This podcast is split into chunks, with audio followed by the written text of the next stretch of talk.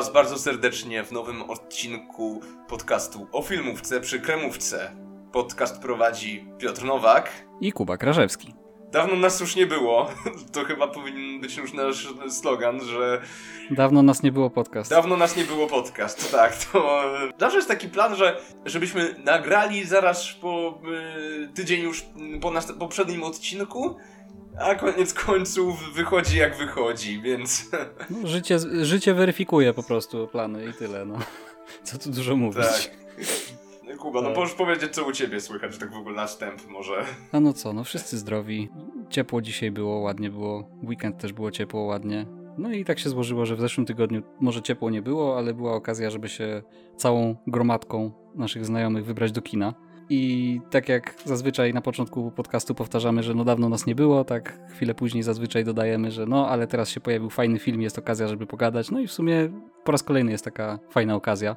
Mianowicie, Piotrze, o czym dzisiaj będziemy gadać? Dzięki, że spytałeś, bo właśnie miałem powiedzieć. Film D&D, e, Honor między złodziejami. D&D, czyli Dungeons and Dragons, Lochy i Smoki. Taki jak system gier RPG, czyli takich gier, co ludzie się spotykają ze znajomymi, mają mistrza gry, który prowadzi jakby narrację opowieści, a pozostali gracie, gracze wcielają się w poszczególnie w różnego rodzaju postacie. Może Kuba, ty może tutaj ci przekażę mikrofon, bo jako naszemu też yy, możesz się pochwalić się DM-owi, bardziej wprowadzisz do tematu. No tak, bo ja tutaj nie chwaląc się jestem od, yy, no już teraz od ponad roku yy, mistrzem gry dla kilku osób właśnie w Dungeons and Dragons. E, bardzo nieregularnie, ale co jakiś czas się spotykamy żeby sobie pograć właśnie sesję e, Dungeons and Dragons. No i dla tych z Was, którzy pierwszy raz słyszą w ogóle o papierowych RPGach, no to jest to taka forma rozrywki. Można powiedzieć tak, to nie jest e, planszówka, że siedzisz przy planszy i przesuwasz pionki, to nie jest karcianka, że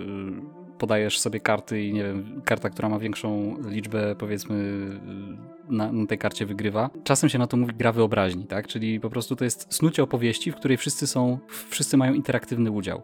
Mamy jednego gracza, który, tak jak powiedziałeś, jest mistrzem gry, czyli jest takim powiedzmy narratorem, przygotowuje scenariusz, prowadzi później graczy przez, e, przez ten scenariusz, snuje tą historię, no a reszta graczy to tworzy sobie po prostu postacie, zapisuje ich statystyki wszystkie na karcie postaci, turla kostkami, które są w najróżniejszych kształtach i o, najróżniejszej ilości e, ścianek. Najpopularniejsza jest oczywiście dwudziestościenna. E, no i co? No, Dungeons and Dragons y, jest na rynku już od prawie 50 lat, bo to jest pierwsza edycja była w 74 roku. Stworzyli ją Gary Gygax i Dave Arneson. Dzisiaj y, jest to y, na tyle rozpoznawalna marka, że właściwie jeśli się mówi gry RPG, to tak naprawdę w domyśle ma się właśnie Dungeons and Dragons, tak? Mimo, że to nie jest oczywiście jedyny system, ale no, na ten moment jest najbardziej, y, myślę, rozpoznawalny. I w sumie taki dość łatwy do wejścia dla, dla, dla, dla ludzi, którzy chcą w to wejść. Nie, nie, może nie jeśli chodzi o mechanikę, bo mechanika bywa dość zawiła momentami. Przynajmniej dla ludzi, którzy ogarniają mechanikę na takim poziomie jak ja. Piotrek na pewno kojarzysz, jak, to, jak sesje u mnie wyglądają, że często w trakcie trzeba doczytywać podręcznik, jak co działa. No ale myślę, że to jest taki właśnie fajny, fajny system dla kogoś, kto chce dopiero wejść w RPG, bo jest cała masa materiałów na jego temat dostępna w internecie. Są sesje na YouTubie prowadzone przez różnych, różnych mistrzów gry, gdzie można sobie pooglądać, co się normalnie ogląda jak seriale. Tutaj no myślę, ty, ty zawsze polecasz Critical Role, to jest chyba taki największy, największy kanał tego typu. Ja z, z naszego powiedzmy polskiego polskiego poletka będę polecał przede wszystkim Spalmy to i sesję na podsłuchu. To jest bardzo fajne, tylko żeby, żeby posłuchać takiej sesji, no to trzeba często poświęcić na jeden taki odcinek no około czterech nawet 5 godzin, bo rzadko kiedy zdarza się, żeby ktoś e, ciął takie, wiesz, nagrania z sesji na, na krótsze odcinki. Tutaj akurat Spalmy to bardzo fajnie się wybija, bo oni mają zawsze po półtorej godziny, więc to jest bardzo fajne. No ale trochę odszedłem od tematu. Tak to mniej więcej wygląda. No, to jest takie bardzo klasyczne fantazy, można powiedzieć. Świat e, właśnie Dungeons Dragons to jest przynajmniej ten główny świat, bo tam jest kilka różnych settingów, ale ten główny, podstawowy świat to jest takie bardzo klasyczne fantazy.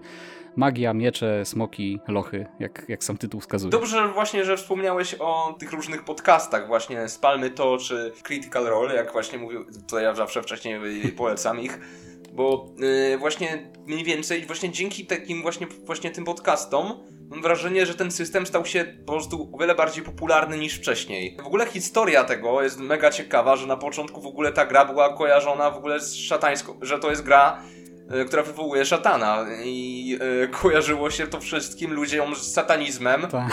i zwłaszcza w Stanach w czasie tej e, szatańskiej paniki, tak to się nazywało. Satanic Panic. Satanic Panic, to środowiska konserwatywne bardzo mocno właśnie nagłaśniały to, że tego typu gry bardzo szkodliwe dla wychowania duchowego młodzieży i że e, prowadzą do, wiesz, rozpadu społecznego. Więcej na ten temat to jest przedstawione właśnie w czwartym sezonie Stranger Things, to pewnie możecie też większość słuchaczy może kojarzyć. No Stranger Things to jest akurat tutaj istotny tytuł, warto, dobrze, że go przywołałeś, bo jednak yy, kanały na YouTubie to jedno, ale myślę, że właśnie Stranger Things jako serial to jest, yy, co by nie mówić o tym serialu, on się w dużej mierze przyczynił właśnie do ponownego wejścia klasycznych RPGów do mainstreamu, tak? No bo jednak przez długie, długie, długie lata właśnie granie w RPG to była taka stereotypowo uważana, że to jest taka rozrywka, wiesz, dla nerdów, którzy tam siedzą całe życie u mamy w piwnicy i turlają kostkami i w ogóle. Teraz e, tak naprawdę no wyszedł w 2015 pierwszy sezon Stranger Things, gdzie tam e, właśnie granie w Dungeons and Dragons odgrywa bardzo ważną rolę w tym, w tym serialu. Do dzisiaj zresztą odgrywa, nawet e, w najnowszych sezonach. I co? I to,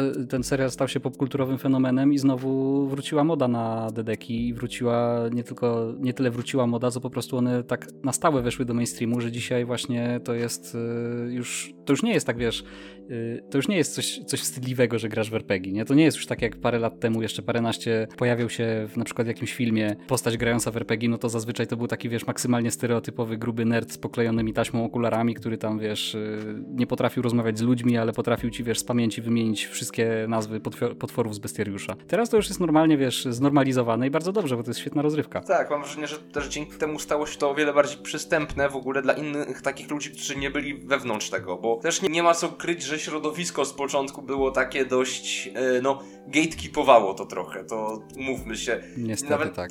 Na, na polskie poletko to w sumie u nas bardziej popularne jest yy, niż, de, niż D&D to system Warhammera, mhm. ale ty w tym siedzisz, to sam możesz powiedzieć, jak to wygląda mniej więcej, jeśli chodzi o fandom. Znaczy, ja akurat w Warhammerze RPGowym nigdy nie siedziałem za bardzo, ja bardziej w figurkowym. E, no ale to się powiedzmy łączy, bo to jest ten sam świat. No, fandom Warhammera, o ile jest tam cała masa naprawdę fantastycznych osób, to jest też cała masa osób, które są mm, to są ludzie, których nie, chciał, nie chciałoby się spotkać, e, jeśli się chce, wiesz, wejść dopiero w ten świat. Tutaj oczywiście bez żadnych, e, powiedzmy, personalnych zarzutów do kogokolwiek, bo ja osobiście na, na szczęście takich ludzi nie mam. Ja, wiesz, nie znam. Ja raczej, jeśli znam już kogoś, kto siedzi w Warhammerze, to są naprawdę super osoby, które, wiesz, potrafią cię wprowadzić w ten świat i powiedzieć, jak się maluje figurki i tak dalej. Natomiast, no, jak się czasem popatrzy, co się dzieje na grupach e, na Facebooku na przykład poświęconych Warhammerowi, no to tam jest, w ładnych słowach to, jest, to są bardzo prawoskrętne grupy. I to tak często bardzo skrajnie. No, ale w każdym razie to, mm, to co właśnie chcemy, chcemy powiedzieć, że obecnie właśnie popularność właśnie tych gier Dungeons and Dragons czy właśnie Warhammer znacznie wzrosła właśnie przez takie seriale jak Stranger Things. Też nie ma ukrywać, to y, dwa takie największe podcasty w Stanach, tak jak mówiliśmy, to Critical Role i Dimension 20. Mhm. To one się też przyczyniły bardzo mocno. Co jest ciekawe, jeszcze Critical Role to w ogóle po części fenomen, bo to czym jest Critical Role, trochę może o tym e, krótko powiem, to są po prostu aktorzy głosowi, w którym właśnie prowadzi e, Matt Mercer, mm, to jest jeden z najbardziej znanych właśnie mistrzów podziemi, którzy właśnie prowadzą sesję D&D. I zaczynali na początku 10 lat temu, jakoś 10 czy 8 lat temu zaczynali z kampanią właśnie Vox Machina.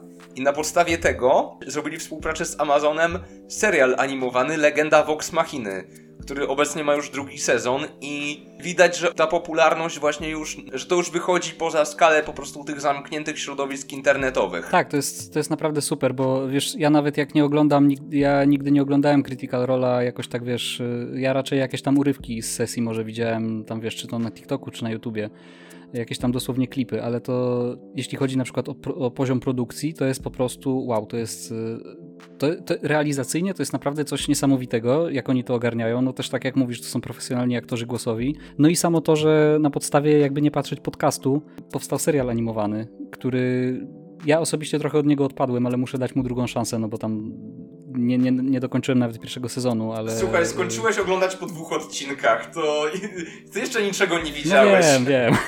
Zmienia, zmienia się, w sensie... No wiem, no niestety pierwsze no, wrażenie. No pierwsze wrażenie to jest takie, że to jest taka ale dam szansę. komedia, ale po trzecim, ale trzeci odcinek to już ci wchodzi no na zasadzie to to niestety jest tak, że to trochę zajmuje czasu, że wiesz, zanim wszystkie postacie się odświeżą, bo w pierwszym sezonie to tak masz naprawdę charakter ark jednej postaci cały czas właśnie, a w drugim sezonie masz dopiero trochę jeszcze bardziej mhm. postacie, mam wrażenie, są o wiele bardziej, wiesz, rozwinięte e, reszta postaci.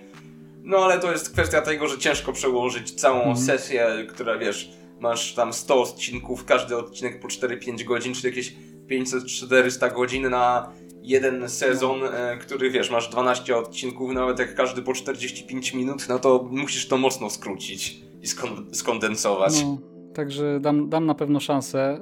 E, tak jak mówię, no to e, nawet przy tym, że mi to trochę nie podeszło za pierwszym razem, no to muszę przyznać, że to jest e, pewien sposób fenomen kulturowy, że no jednak na podstawie, jakby nie patrzeć, na podstawie podcastu, na podstawie kanału na YouTubie powstał normalnie serial animowany, który dostaje już drugi sezon. I to, się, to nie jest niszowa produkcja, wiesz, dla garstki fanów, tylko to jest coś, co, czym się zajmuje jedna z największych platform streamingowych obecnie, czyli Amazon.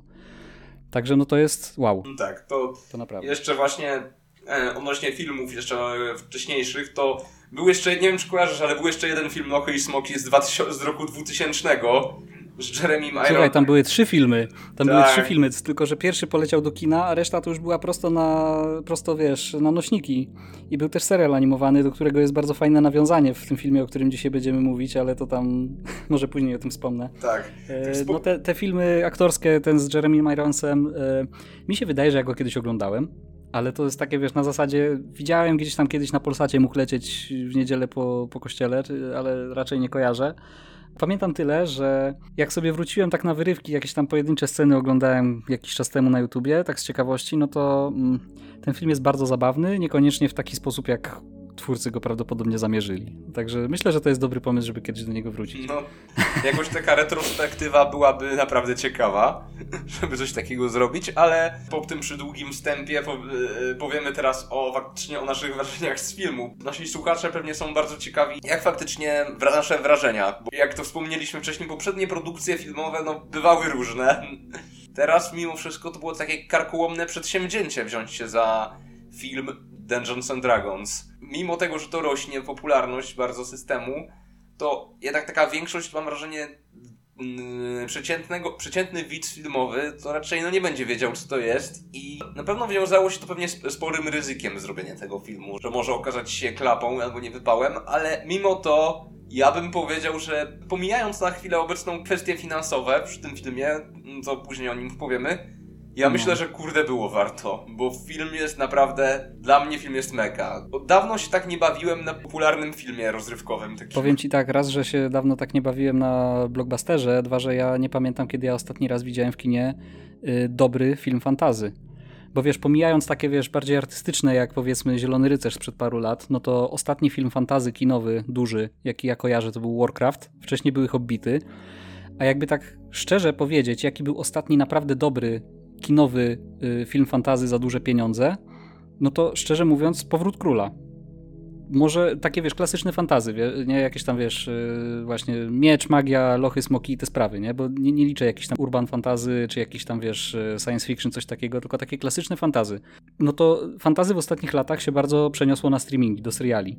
Bo mamy i o Tron, mamy Wiedźmina na Netflixie, mamy Pierścienie Władzy na Amazonie. To się bardziej, wiesz co, w ostatnich latach właśnie przeniosło na streamingi i szczerze mówiąc mi strasznie brakowało takiego e, takiego właśnie fantazy e, kinowego i kurde, powiem ci, mimo że miałem spore obawy, bo to jest e, raz, że no, tak jak mówię, fantazy, co ciężko jest jednak e, stworzyć od zera e, fantastyczny świat, e, wiesz, tak, żeby on dobrze wyglądał.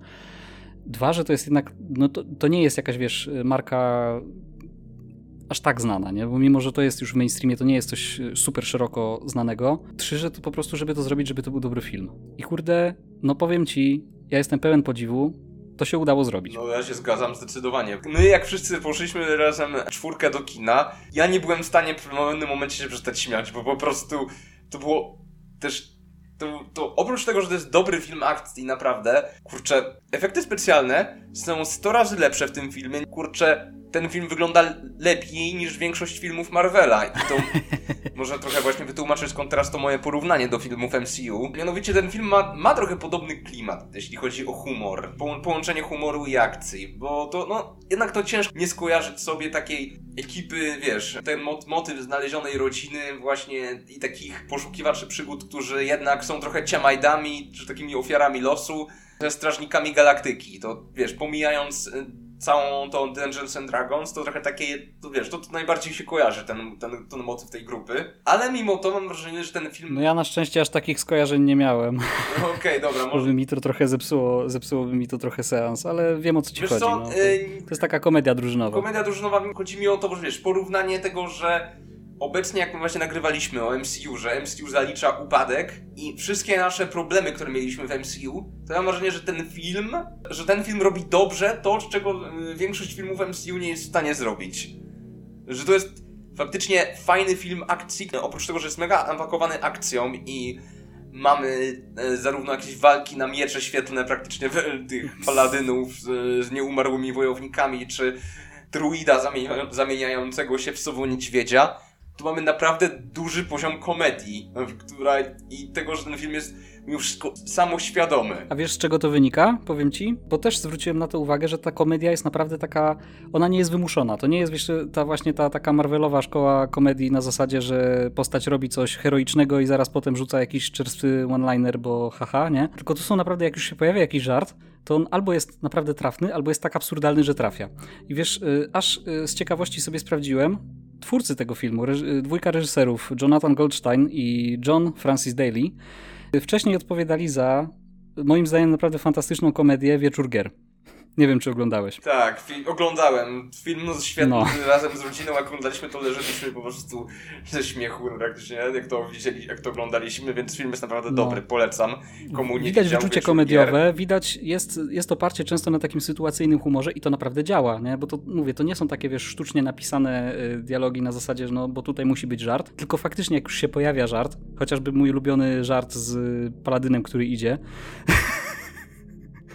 przed siebie, i idzie cały czas przed tak, siebie, to, no to to się naprawdę trafia. Z tym się zresztą. minimalistyczne, ale, ale piękne. Z tym Paladynem się wiąże bardzo zabawna historia, ale to może potem powiem. Dobrze. Ale w każdym razie jeszcze y, odnośnie tego, jak ty mówiłeś, że marvelowski humor, ja też jeszcze bym tego nie sprowadzał stricte do wszystkich filmów Marvela. To, co właśnie mówiłeś, że taki humor na zasadzie heroiczna poza i słaby żarcik, to to jest, mam wrażenie, takie bardzo charakterystyczne jednak dla Josha Widona, bo zarówno Age of Ultron miał ten problem największy, jak i no Liga Sprawiedliwych, e, jak Whedon przejął po Snyderze, więc to nawet fani Marvela też tak mam wrażenie mówią, że to jest taki hu Whedon humor tak zwany, więc, bo to już, już z nim to skojarzone, bo jednak strażnicy, mam wrażenie, że pierwsi strażnicy mieli trochę wiesz, albo pierwsi Avengersi ten humor mieli trochę inny niż te wszystkie komedie Widona, albo wiesz, chociażby to Ragnarok Taiki Watiti. Ale tutaj mamy ten humor taki e, w tym D&D, który faktycznie, w sensie, ja miałem wrażenie, jakby to były rzeczy, wiesz, ten film nie łamie czwartej ściany, nie pokazuje nam mistrza gry ani graczy, ale ja miałem wrażenie momentami, że ja oglądam sesję D&D i że po prostu e, gracze nagle po prostu zaskakują DM-a i on po prostu a, jak się, jak się nazywa ten e, ptak, ten rakokra? E, e, Jonathan. Tak, tylko zapisane odrobinę inaczej niż się powinno pisać i już, już masz na, nazwę fantazy, nie? Albo te plan, tak, tak. Że, że plan nie wypali, dobra, robimy kolejny plan, idziemy z improwizacją i to... ja po prostu oglądając, nie wiem czy ty tak miałeś, ale miałem po prostu, ja jak oglądałem film, to, zada, to zadawałem sobie pytanie, to by zdecydowanie zrobiła post, yy, moja postać, tak. albo to by zrobiła postać naszej przyjaciółki naszego kumpla. No, siła tego filmu jest taka, że on z jednej strony działa jako komedia po prostu, wiesz, nawet dla osób, które nie znają D&D, to po prostu sobie pójdą, zobaczą jakieś, wiesz, całkiem naprawdę trafione żarty się będą śmiać. Z drugiej strony, jak się już siedzi trochę w tej grze i się kojarzy mniej więcej, jak to wygląda, to oglądasz ten film i widzisz dokładnie, w których miejscach, nie wiem, ktoś rzucił kostką i wypadła jedynka na kostce, czyli krytyczna porażka. Widzisz, w którym momencie na przykład odwrotnie wypadła krytyczna dwudziestka, czyli super jakiś sukces na, na kostce. Widzisz, kiedy są, nawiąza są nawiązania do czegoś, co ty jako gracz po prostu ogarniasz I to po prostu tak fantastycznie działa. Właśnie to jest to, jest to czego mi brakuje często w, w takich mainstreamowych filmach, właśnie w blockbusterach, że to jest zarówno film, który jest konkre konkretnie skierowany do konkretnego odbiorcy i z, dru z drugiej strony też zachęca, wiesz, nowego, nowego widza, tak? To jest super naprawdę przemyślane pod tym kątem. Dla mnie to jest mega w ogóle, że udał się zachować ten balans, że wiesz, zarówno dla fanów e, tych gier, ten tak. film jest e, świetny, bo to jednak pokazuje, wiesz, nawet, nawet masz niektóre mechaniki, widzisz, że faktycznie masz zaklęcia, które są w grze i są przeniesione na ekran, a nawet a dla takiego zwykłego widza, który nie jest zaznajomiony z D&D, e, to będzie po prostu mega super komedia fantasy, na której mam nadzieję, myślę, że będzie się świetnie bawił, bo no, my się bawiliśmy naprawdę dobrze. No też mieliśmy ten, ten komfort tak trochę tutaj prywaty wrzucając, że poszliśmy sobie całą naszą no powiedzmy prawie całą naszą ekipą RPGową, bo tam nie wszyscy mogli i mieliśmy całą salę dostępną dla siebie, więc nie musieliśmy się, wiesz, tam y, jak już się mieliśmy śmiać, to nie musieliśmy się śmiać pod nosem, tylko normalnie mogliśmy sobie, wiesz, pogadać w trakcie, bo to jest taki też dobry film do pogadania w trakcie. Tak. Yy, właśnie szczególnie jak się jest w gronie, które gra w RPG, to jest, to jest naprawdę coś niesamowitego. To tak już mówiliśmy o naszych, mówimy już o naszych wrażeniach, to może pokrótce zarysujmy o czym jest ten film, bo tak mówimy, mówimy i no ten, coś, co wypadałoby powiedzieć o fabule.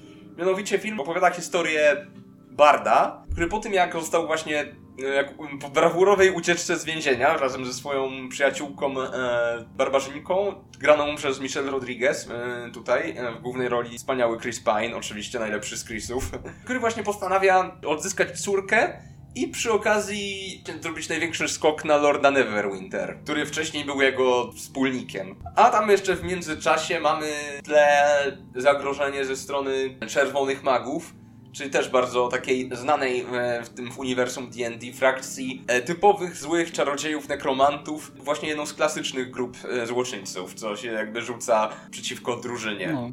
I oprócz tych, tej głównej dwójki mamy jeszcze, żeby dopełnić najbardziej klasyczną RPGową drużynę jak się da, no to mamy Barda, mamy Barbarzynkę, mamy Druidkę, w tej roli Sofia Lillis, którą możecie kojarzyć chociażby z ekranizacji To Stephena Kinga. E, no i jest jeszcze Justice Smith jako e, Simon, czarodziej, który w pewnym momencie bodajże właśnie bohater Chrisa Pine'a o nim mówi, że to jest e, kiepski czarodziej, który udaje kiepskiego złodzieja, bo w sumie zanim, zanim dołącza do naszej drużyny, no to zajmuje się takimi powiedzmy jarmarcznymi sztuczkami, podczas których pokazuje jakieś bardzo takie podstawowe iluzje, a tak naprawdę okrada swoich widzów z kosztowności. Tak, no i jest jeszcze postać Paladyna, która, no jest to postać pojawiająca się na pewien moment w filmie, ale jak już się pojawia, to naprawdę kurczę, kradnie cały ekran dla siebie. Paladyn kradnie, kradnie ten film po prostu. Ja sobie tutaj pozwolę nie wymówić nazwiska aktora, bo to jest aktor z Bridgertonów.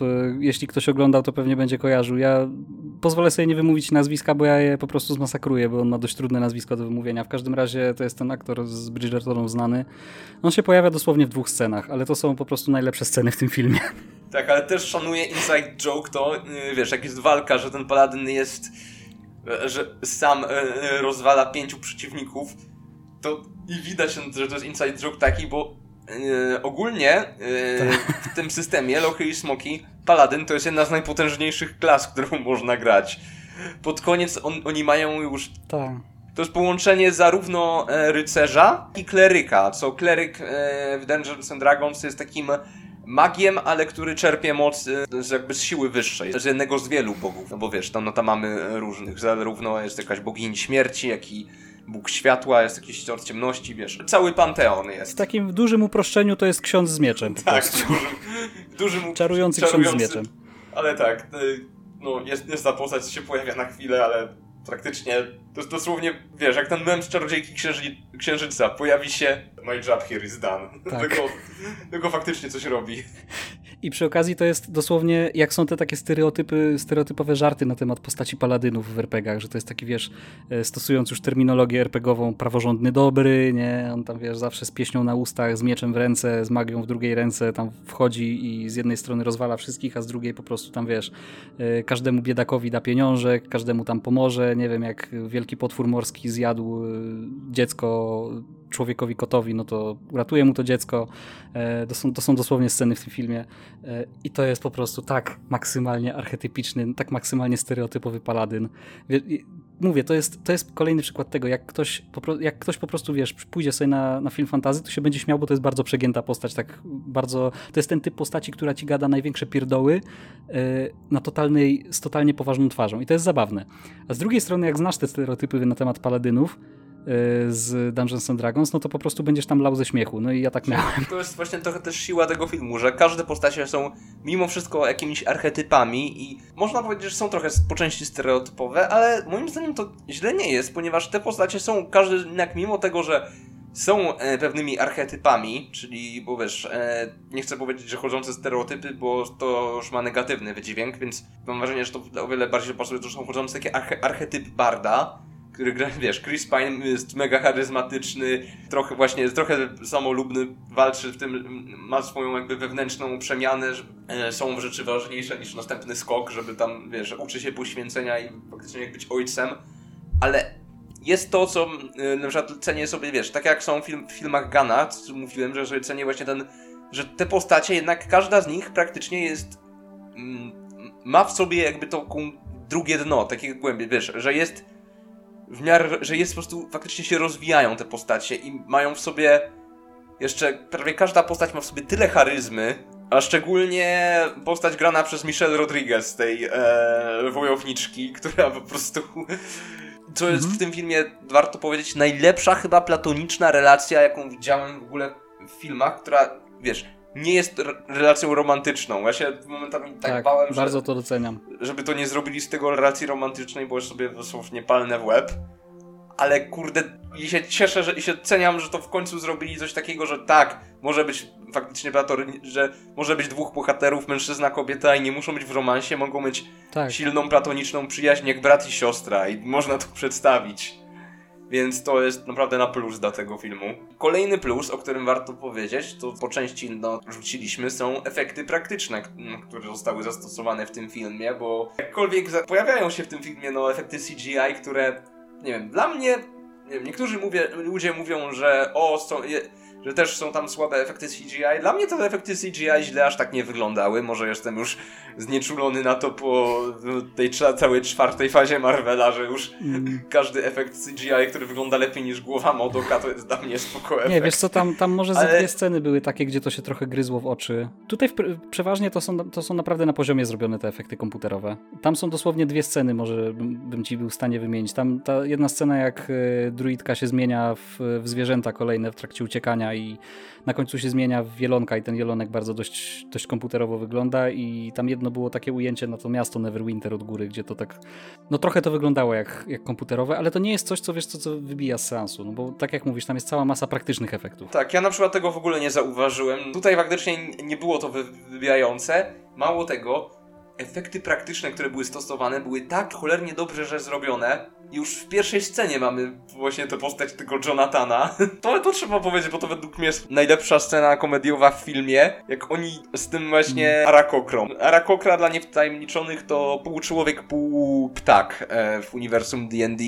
Też są dość e, silne właśnie te postacie, bo to jest jedna z nielicznych ras, która potrafi latać. Żart z, z, z postacią Jonathana nie zamierzam spoilerować, bo to jest bo, bo, to jest żart genialny. Według mnie jeden z najlepszych żartów w całym filmie. Jest powtórzony dwa razy, ale to mu nie ujmuje.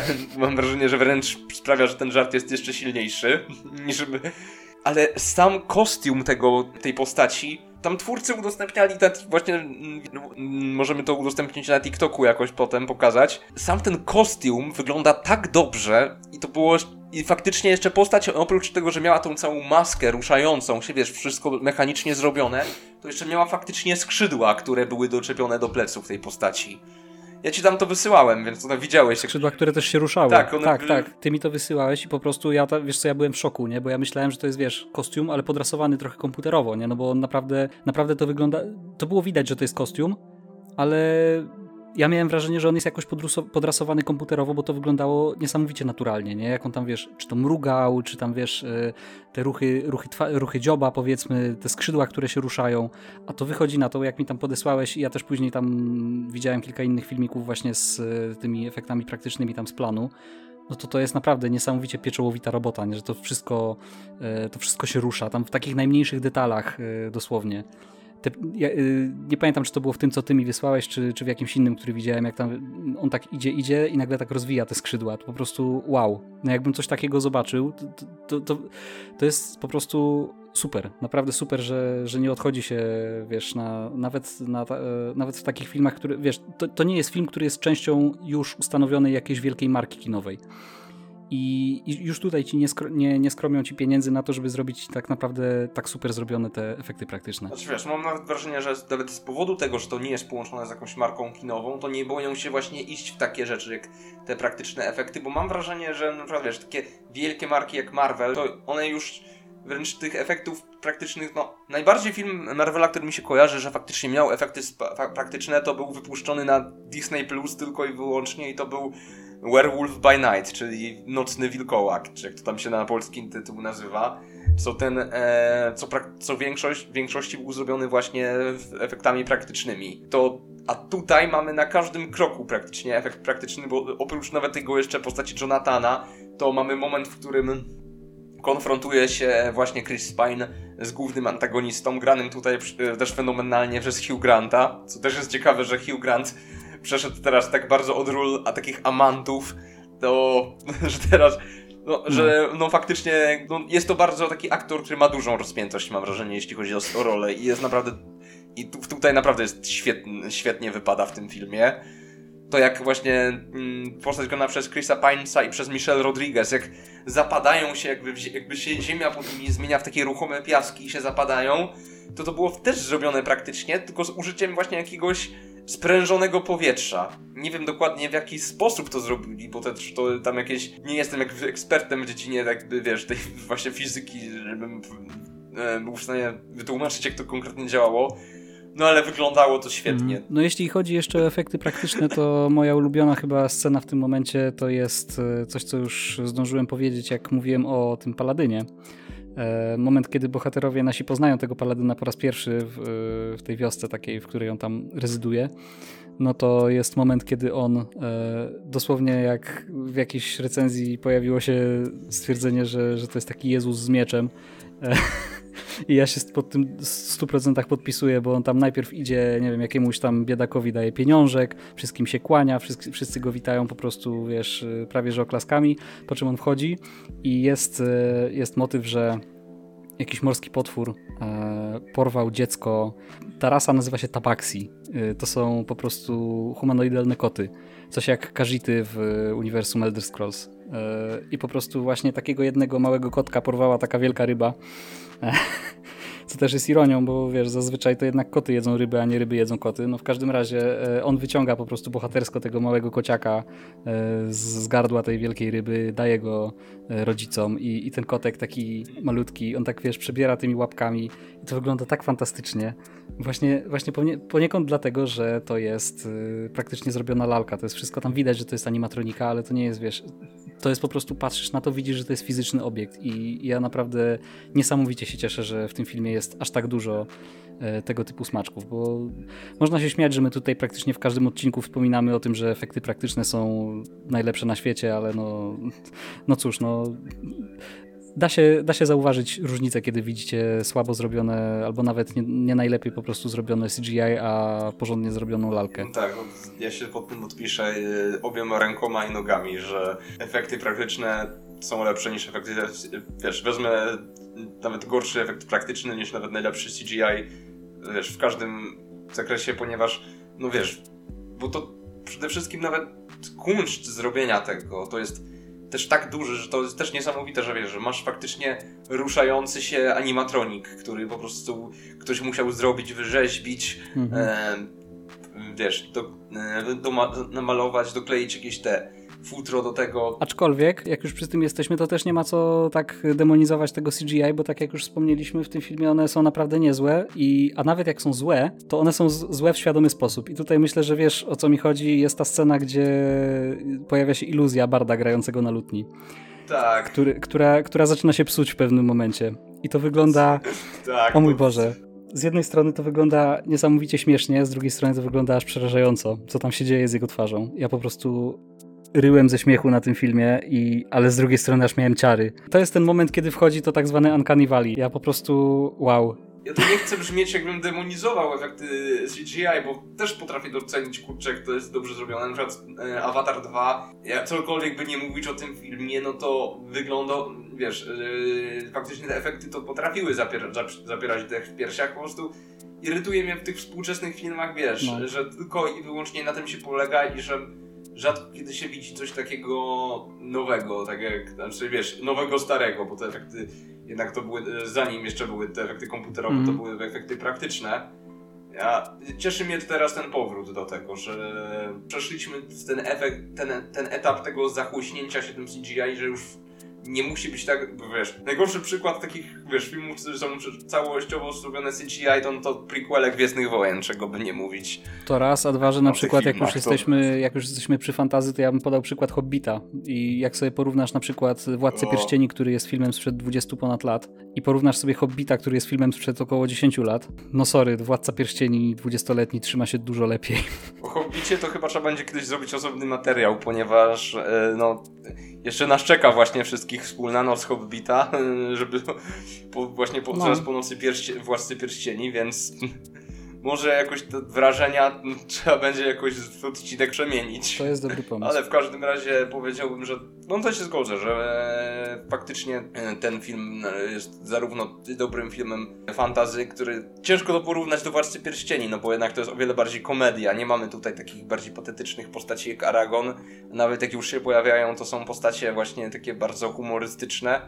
Bardziej to są takie, wiesz, e, postacie, które z którymi łatwiej się utożsamić, wiesz, mimo, to, mimo tego, że to mhm. jest jedna postać, to jest druid tiefling, co też jest w ogóle ciekawe, chciałbym o tej postaci powiedzieć, bo z początku tam wie, pojawiały się głosy, że jeżeli to jest tiefling, to czemu nie jest, wiesz, yy, nie ma kolorowej skóry i yy, nie wygląda bardziej demonicznie, ale jeżeli robi się taki film, co mało ludzi ci kojarzy markę i, że to jest film fantazy, a umówmy się, filmy fantazy w tym momencie nie są jakoś takie popularne mocno, jednak ten gatunek to jest taki gatunek, co filmowo to się no bardziej większości ludzi kojarzył z takimi filmami, no wiesz, to na pewno kojarzysz te filmy takie fantazy, co się pojawiały w latach 2000 mm. typu właśnie takie starcie Tytanów, czy ten Siódmy Syn, czy choćby Eragorn a w większości jeszcze ludzi nazwa Dungeons and Dragons, którzy oglądali te filmy, to mają w głowie ten film z 2000 roku, co nie był najlepszy, no to nie, nie chcesz zakrywać twarzy żadnego aktora. I właśnie mam wrażenie, że stąd właśnie, jak wspomniałeś, że bardzo dużo ludzkich postaci i mało takich postaci zwierzęcych,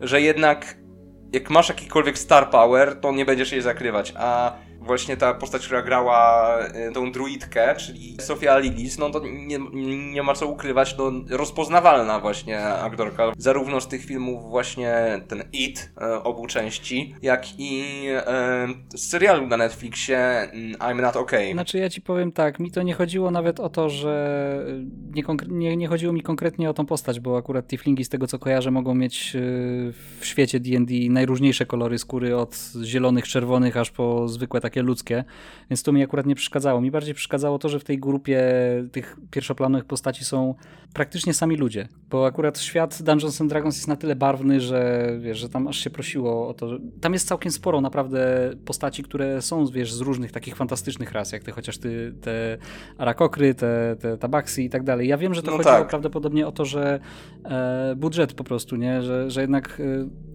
trochę, żeby zaoszczędzić na budżecie, no to te, ta główna czwórka jest jak najbardziej tak ludzko mm -hmm. wyglądająca, żeby po prostu oszczędzić e, trochę na budżecie, nie? I te takie bardziej fantazyjnie wyglądające postaci masz gdzieś tam w drugim, na drugim planie. E, ale życzyłbym sobie, że jeśli powstanie ewentualny sequel, to żeby tam na przykład do tej drużyny dołączył chociaż jeden jakiś, nie wiem, drakon czy coś takiego, nie wiem, no coś, żeby, żeby człowiek kot, już nie mówiąc o jakichś takich bardziej, e, bardziej takich, wiesz, z Dnagara postaci typu, typu, nie pamiętam jak się ta rasa nazywa, ale pół człowiek, pół żółw. A, tak. E, po prostu tur, turtle się nazywa, żółw się nazywają. O, a no tak. Jak no tak. Mówię. Więc wiesz... Ale no, no tak, a no obecnie z tego co zostaliśmy, to myślę, że dla większości widzów zarówno rogi, jak i ogon to idealnie skomunikują, że ta postać ma jakieś diabelskie pochodzenie, że to no. e, z elfem tej postaci nie pomylą raczej tym e, wszystkim. I no tak, to się zgodzę, że ja też bym chętniej zobaczył więcej postaci, które nie są może koniecznie ludźmi, a bardziej też te inne rasy, ale no to jest kwestia też właśnie tego, że mm, miało to duży budżet z tego co kojarzę, ale obecnie ma problem ten film, żeby jednak na siebie zarobić nawet, co jest bardzo smutne w tym momencie. Ale pomimo tego, że jednak aż tak dużo pieniędzy nie zarabia, to to jest film, który dostaje głównie pozytywne recenzje. W sensie to jest no. chyba jeden z nielicznych przypadków, gdzie na Rotten Tomatoes, wiemy Rotten Tomatoes teraz, to ma zarówno wysoką ocenę wśród widzów, jak i u krytyków. Ten film ma 90% ocen pozytywnych wśród krytyków i 93% jeśli chodzi o oceny widzów. Więc kurczę, powiem, jest naprawdę blisko. 3% różnicy pomiędzy tymi ocenami i obie oceny bardzo wysokie, więc. I nawet, i po, nawet wśród popularnie, wśród, no może nie wśród ludzi, pomimo tego, że to się aż tak nie zwróciło finansowo, to jednak jest to już film, nawet mam wrażenie, wśród społeczności w DD, to ten film już stawiam, no na pewno stanie się kultowym filmem. To już jestem w stanie, kurczę, ten, wiesz dam sobie, jak to film mówi, dałbym sobie rękę uciąć, to tak tutaj sobie dam rękę uciąć. No, y, bo tak jak wspomniałeś o problemach finansowych, bo jest, jest taki trochę problem, że ten film się premierą trochę źle wstrzelił, bo y, on jest w kinie w tym momencie, gdzie nadal z kina jeszcze nie zszedł John Wick czwarty, a dopiero co wszedł do kin Mario, który no co by nie mówić Mario jest marką e, no dużo większą niż D&D obecnie. I Mario to jest też film familijny, więc tam rodziny z dziećmi będą chodzić. I też stare dziady, które grały w swoim dzieciństwie w pierwszą wersję Mario. E, i przy budżecie 150 milionów na ten moment, jeśli się nie mylę, no to Dungeons and Dragons zarobił jakieś 178 milionów, więc no to jest naprawdę słaby wynik. I mam nadzieję, że mam nadzieję, że on jeszcze dostanie drugie życie na streamingu trochę, bo ja naprawdę chciałbym dostać sequel. I, I żeby to był kinowy sequel, a nie na zasadzie, że zrobimy sequel prosto na streaming, albo jeszcze powiedzmy w formie serialu. Bo ja naprawdę chciałbym, żeby, żeby fantazy wróciło trochę do kina. Bo no tak jak mówiłem na początku, ostatnie ostatnie lata to, to jest e, dominacja raczej, jeśli chodzi o takie coś z pogranicza fantazy, science fiction, no to jest dominacja jednak kina superbohaterskiego. I ja naprawdę chciałbym, żeby takie, może nie, nawet niekoniecznie takie, wiesz, stricte klasyczne fantazy jak y, Dungeons and Dragons czy Władca Pierścieni, żeby wróciło do kin, ale po prostu takie kino, kino fantazy. Nawet, nawet jakby to miało być, wiesz, tak jak przywołane wcześniej przez ciebie Starcie Tytanów czy coś w tym stylu, takie, wiesz, ekranizacje mitów. To, to były filmy, były jakie były, ale, ale to, był, to była jakaś atrakcja dla widza. E, I naprawdę chciałbym, chciałbym naprawdę, bardzo bym, bardzo bym się ucieszył, gdyby ten film jednak zyskał drugie życie na streamingu, gdyby jednak twórcom się okazało, twórcom opłacało się po prostu i studiu y, stworzyć sequel, bo naprawdę chciałbym. Kurczę, to jest na tyle, na tyle pocieszny jest ten film. To, to jest chyba najlepsze słowo, jakie można go określić. Jest, ten film jest bardzo pocieszny na wielu, płaszczy, na wielu płaszczyznach.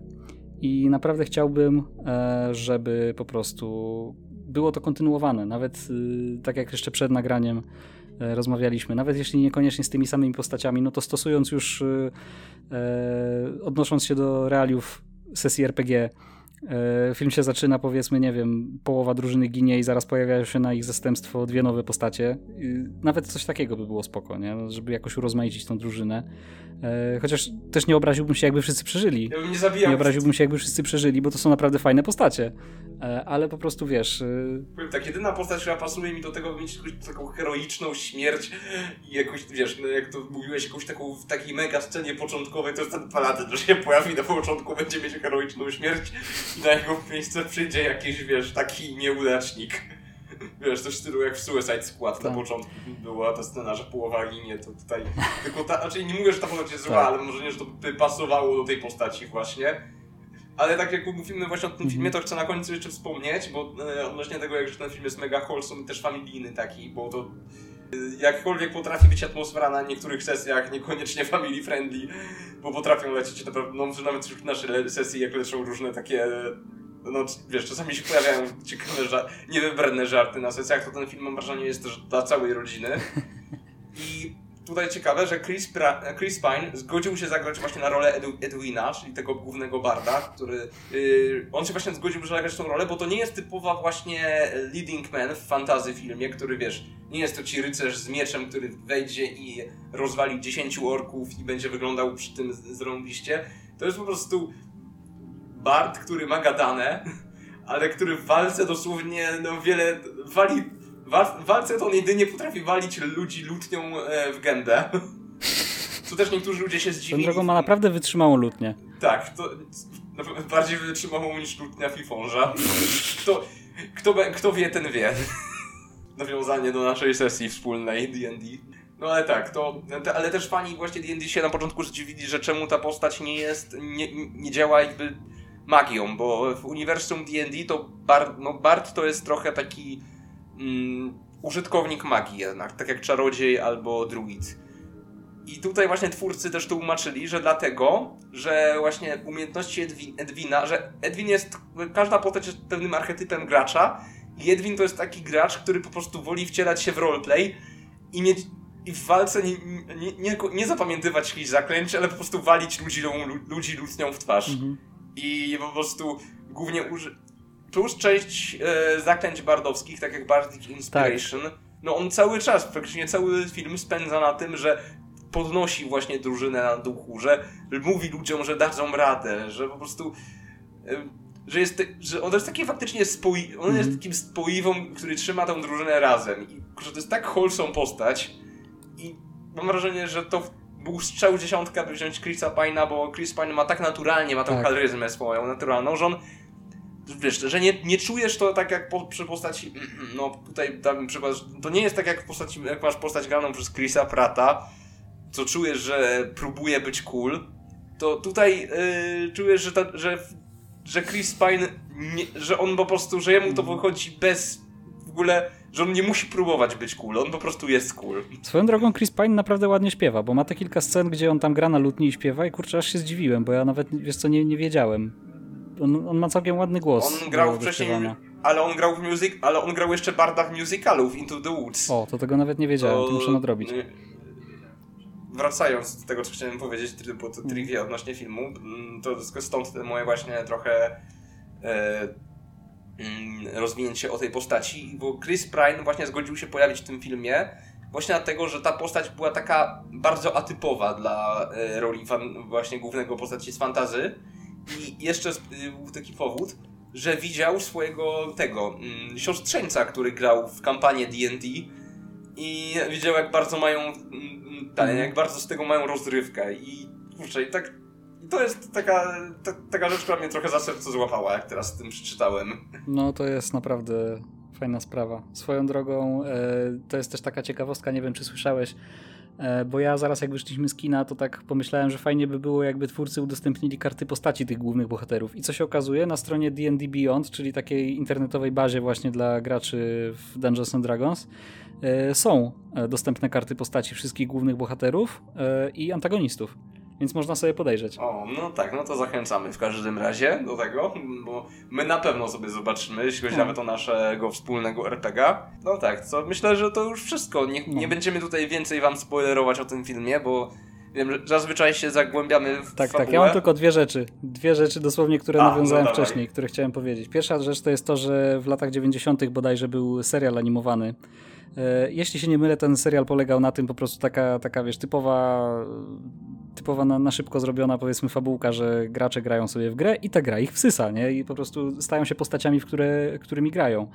I jest tam ta scena, gdzie oni w, w tym filmie, e, gdzie bohaterowie trafiają na tą arenę i tam są, jest kilka postaci uwięzionych w tej klatce wewnątrz tej areny. No to to są właśnie te postacie z tej kreskówki z lat 90., tylko te kilkadziesiąt lat później. Więc taki fajny smaczek. E, a drugi y, smaczek, który chciałem mm, powiedzieć, jeszcze się znowu wiąże z tą postacią Paladyna. Ja tam wspomniałem wcześniej, jest ta scena, gdzie Paladyn idzie przed siebie, co jest jedną z zabawniejszych scen w tym filmie. E, dzisiaj trafiłem na ciekawostkę a, a propos tej sceny, że w zamyśle ona miała polegać na tym, że ten Paladyn sobie odchodzi i bohaterowie kontynuują dialog. E, no i co? No i ktoś tam krzyknął cięcie i aktor, który wciela się w tego paladyna, nie usłyszał tego cięcia i szedł dalej. I Chris Pine postanowił to pociągnąć dalej. I stąd powstał ten żart, że paladyn idzie cały czas prosto. I nawet jak widzi kamień przed sobą, to nie omija tego kamienia, tylko idzie po nim. I to jest cudowne, bo nasi bohaterowie kontynuują ten dialog, a ty patrzysz w tle, a ten paladyn cały czas idzie przed siebie po prostu. I to jest. Ja, ja bardzo jestem ciekawy, jak on, gdzie on się dalej znalazł, bo on idzie przed siebie, a tam przed nim dalej było morze. I co, on wlazł do tego morza? Przeszedł przez morze. Ale to jak o tym wspomniałeś, to też mi się przypomniało, że jest też jedno delikatne takie nawiązanie, jak ten mak czaruje i wyczarowuje, jak to mówi, zapach świeżo skoszonej trawy. I tam jest ta, cały, że tam parę razy pojawia się mm. ten żart, że mówią frazę, frazę fresh cut grass. Yy, cieka to ciekawe, mm. tak właśnie nazywa się jedna z postaci w Critical Role w trzeciej kampanii grana przez Sama Rigela. Taki mały robocik i on się nazywa Fresh Cut Grass, świeżo skoszona trawa. No to patrz, to tego nie wiedziałem. Bardzo fajny smaczek. Tak, ja to tak załapałem właśnie, że skąd, skąd ten żart i potem, a faktycznie, kurczę. Ja tej trzeciej kampanii aż tak nie przesłuchiwałem, ale to kojarzę. No, więc hmm. dużo smaczków dla fanów RPG, ale też e, film bardzo naprawdę, mam wrażenie też dla ludzi, którzy e, są fanami dobrej komedii, czy właśnie filmów takich fantazy, to myślę, że się każdemu właśnie spodoba. Nam w każdym razie naprawdę się podobał. Ja daję temu filmowi e, okay, daję mu ok, dobry okejkę. Kurczę, jest to, jest. to jest film, który chciałbym mieć w swojej kolekcji filmów DVD. W sensie, jak, jak on wyjdzie na DVD, to ja go na pewno kupię. No, i myślę, że to by było na tyle. Hmm, mam nadzieję, że zachęciliśmy Was tutaj do obejrzenia tego filmu, bo nam się bardzo spodobał i nie wchodziliśmy tutaj za bardzo w fabułę, jak w poprzednich odcinkach, no ale dlatego, że ten film jednak. Tak. Ten film się dość niedawno pojawił w kinach i. Kurczę, no ja, ja, ja tego filmu nie będę spoilerował, tak, może... Wiesz, to raz, a dwa, że ta fabuła jest jednak dość prosta, nie? No bo to jest, znaczy, nie żeby to był zarzut, bo to jest taka typowa pierwsza sesja, e, pierwsza sesja Dungeons and Dragons. Taka, wiesz, na zasadzie zdob- e, idź poznaj tą postać, zdobądź od niej magiczny artefakt, pokonaj tego złego.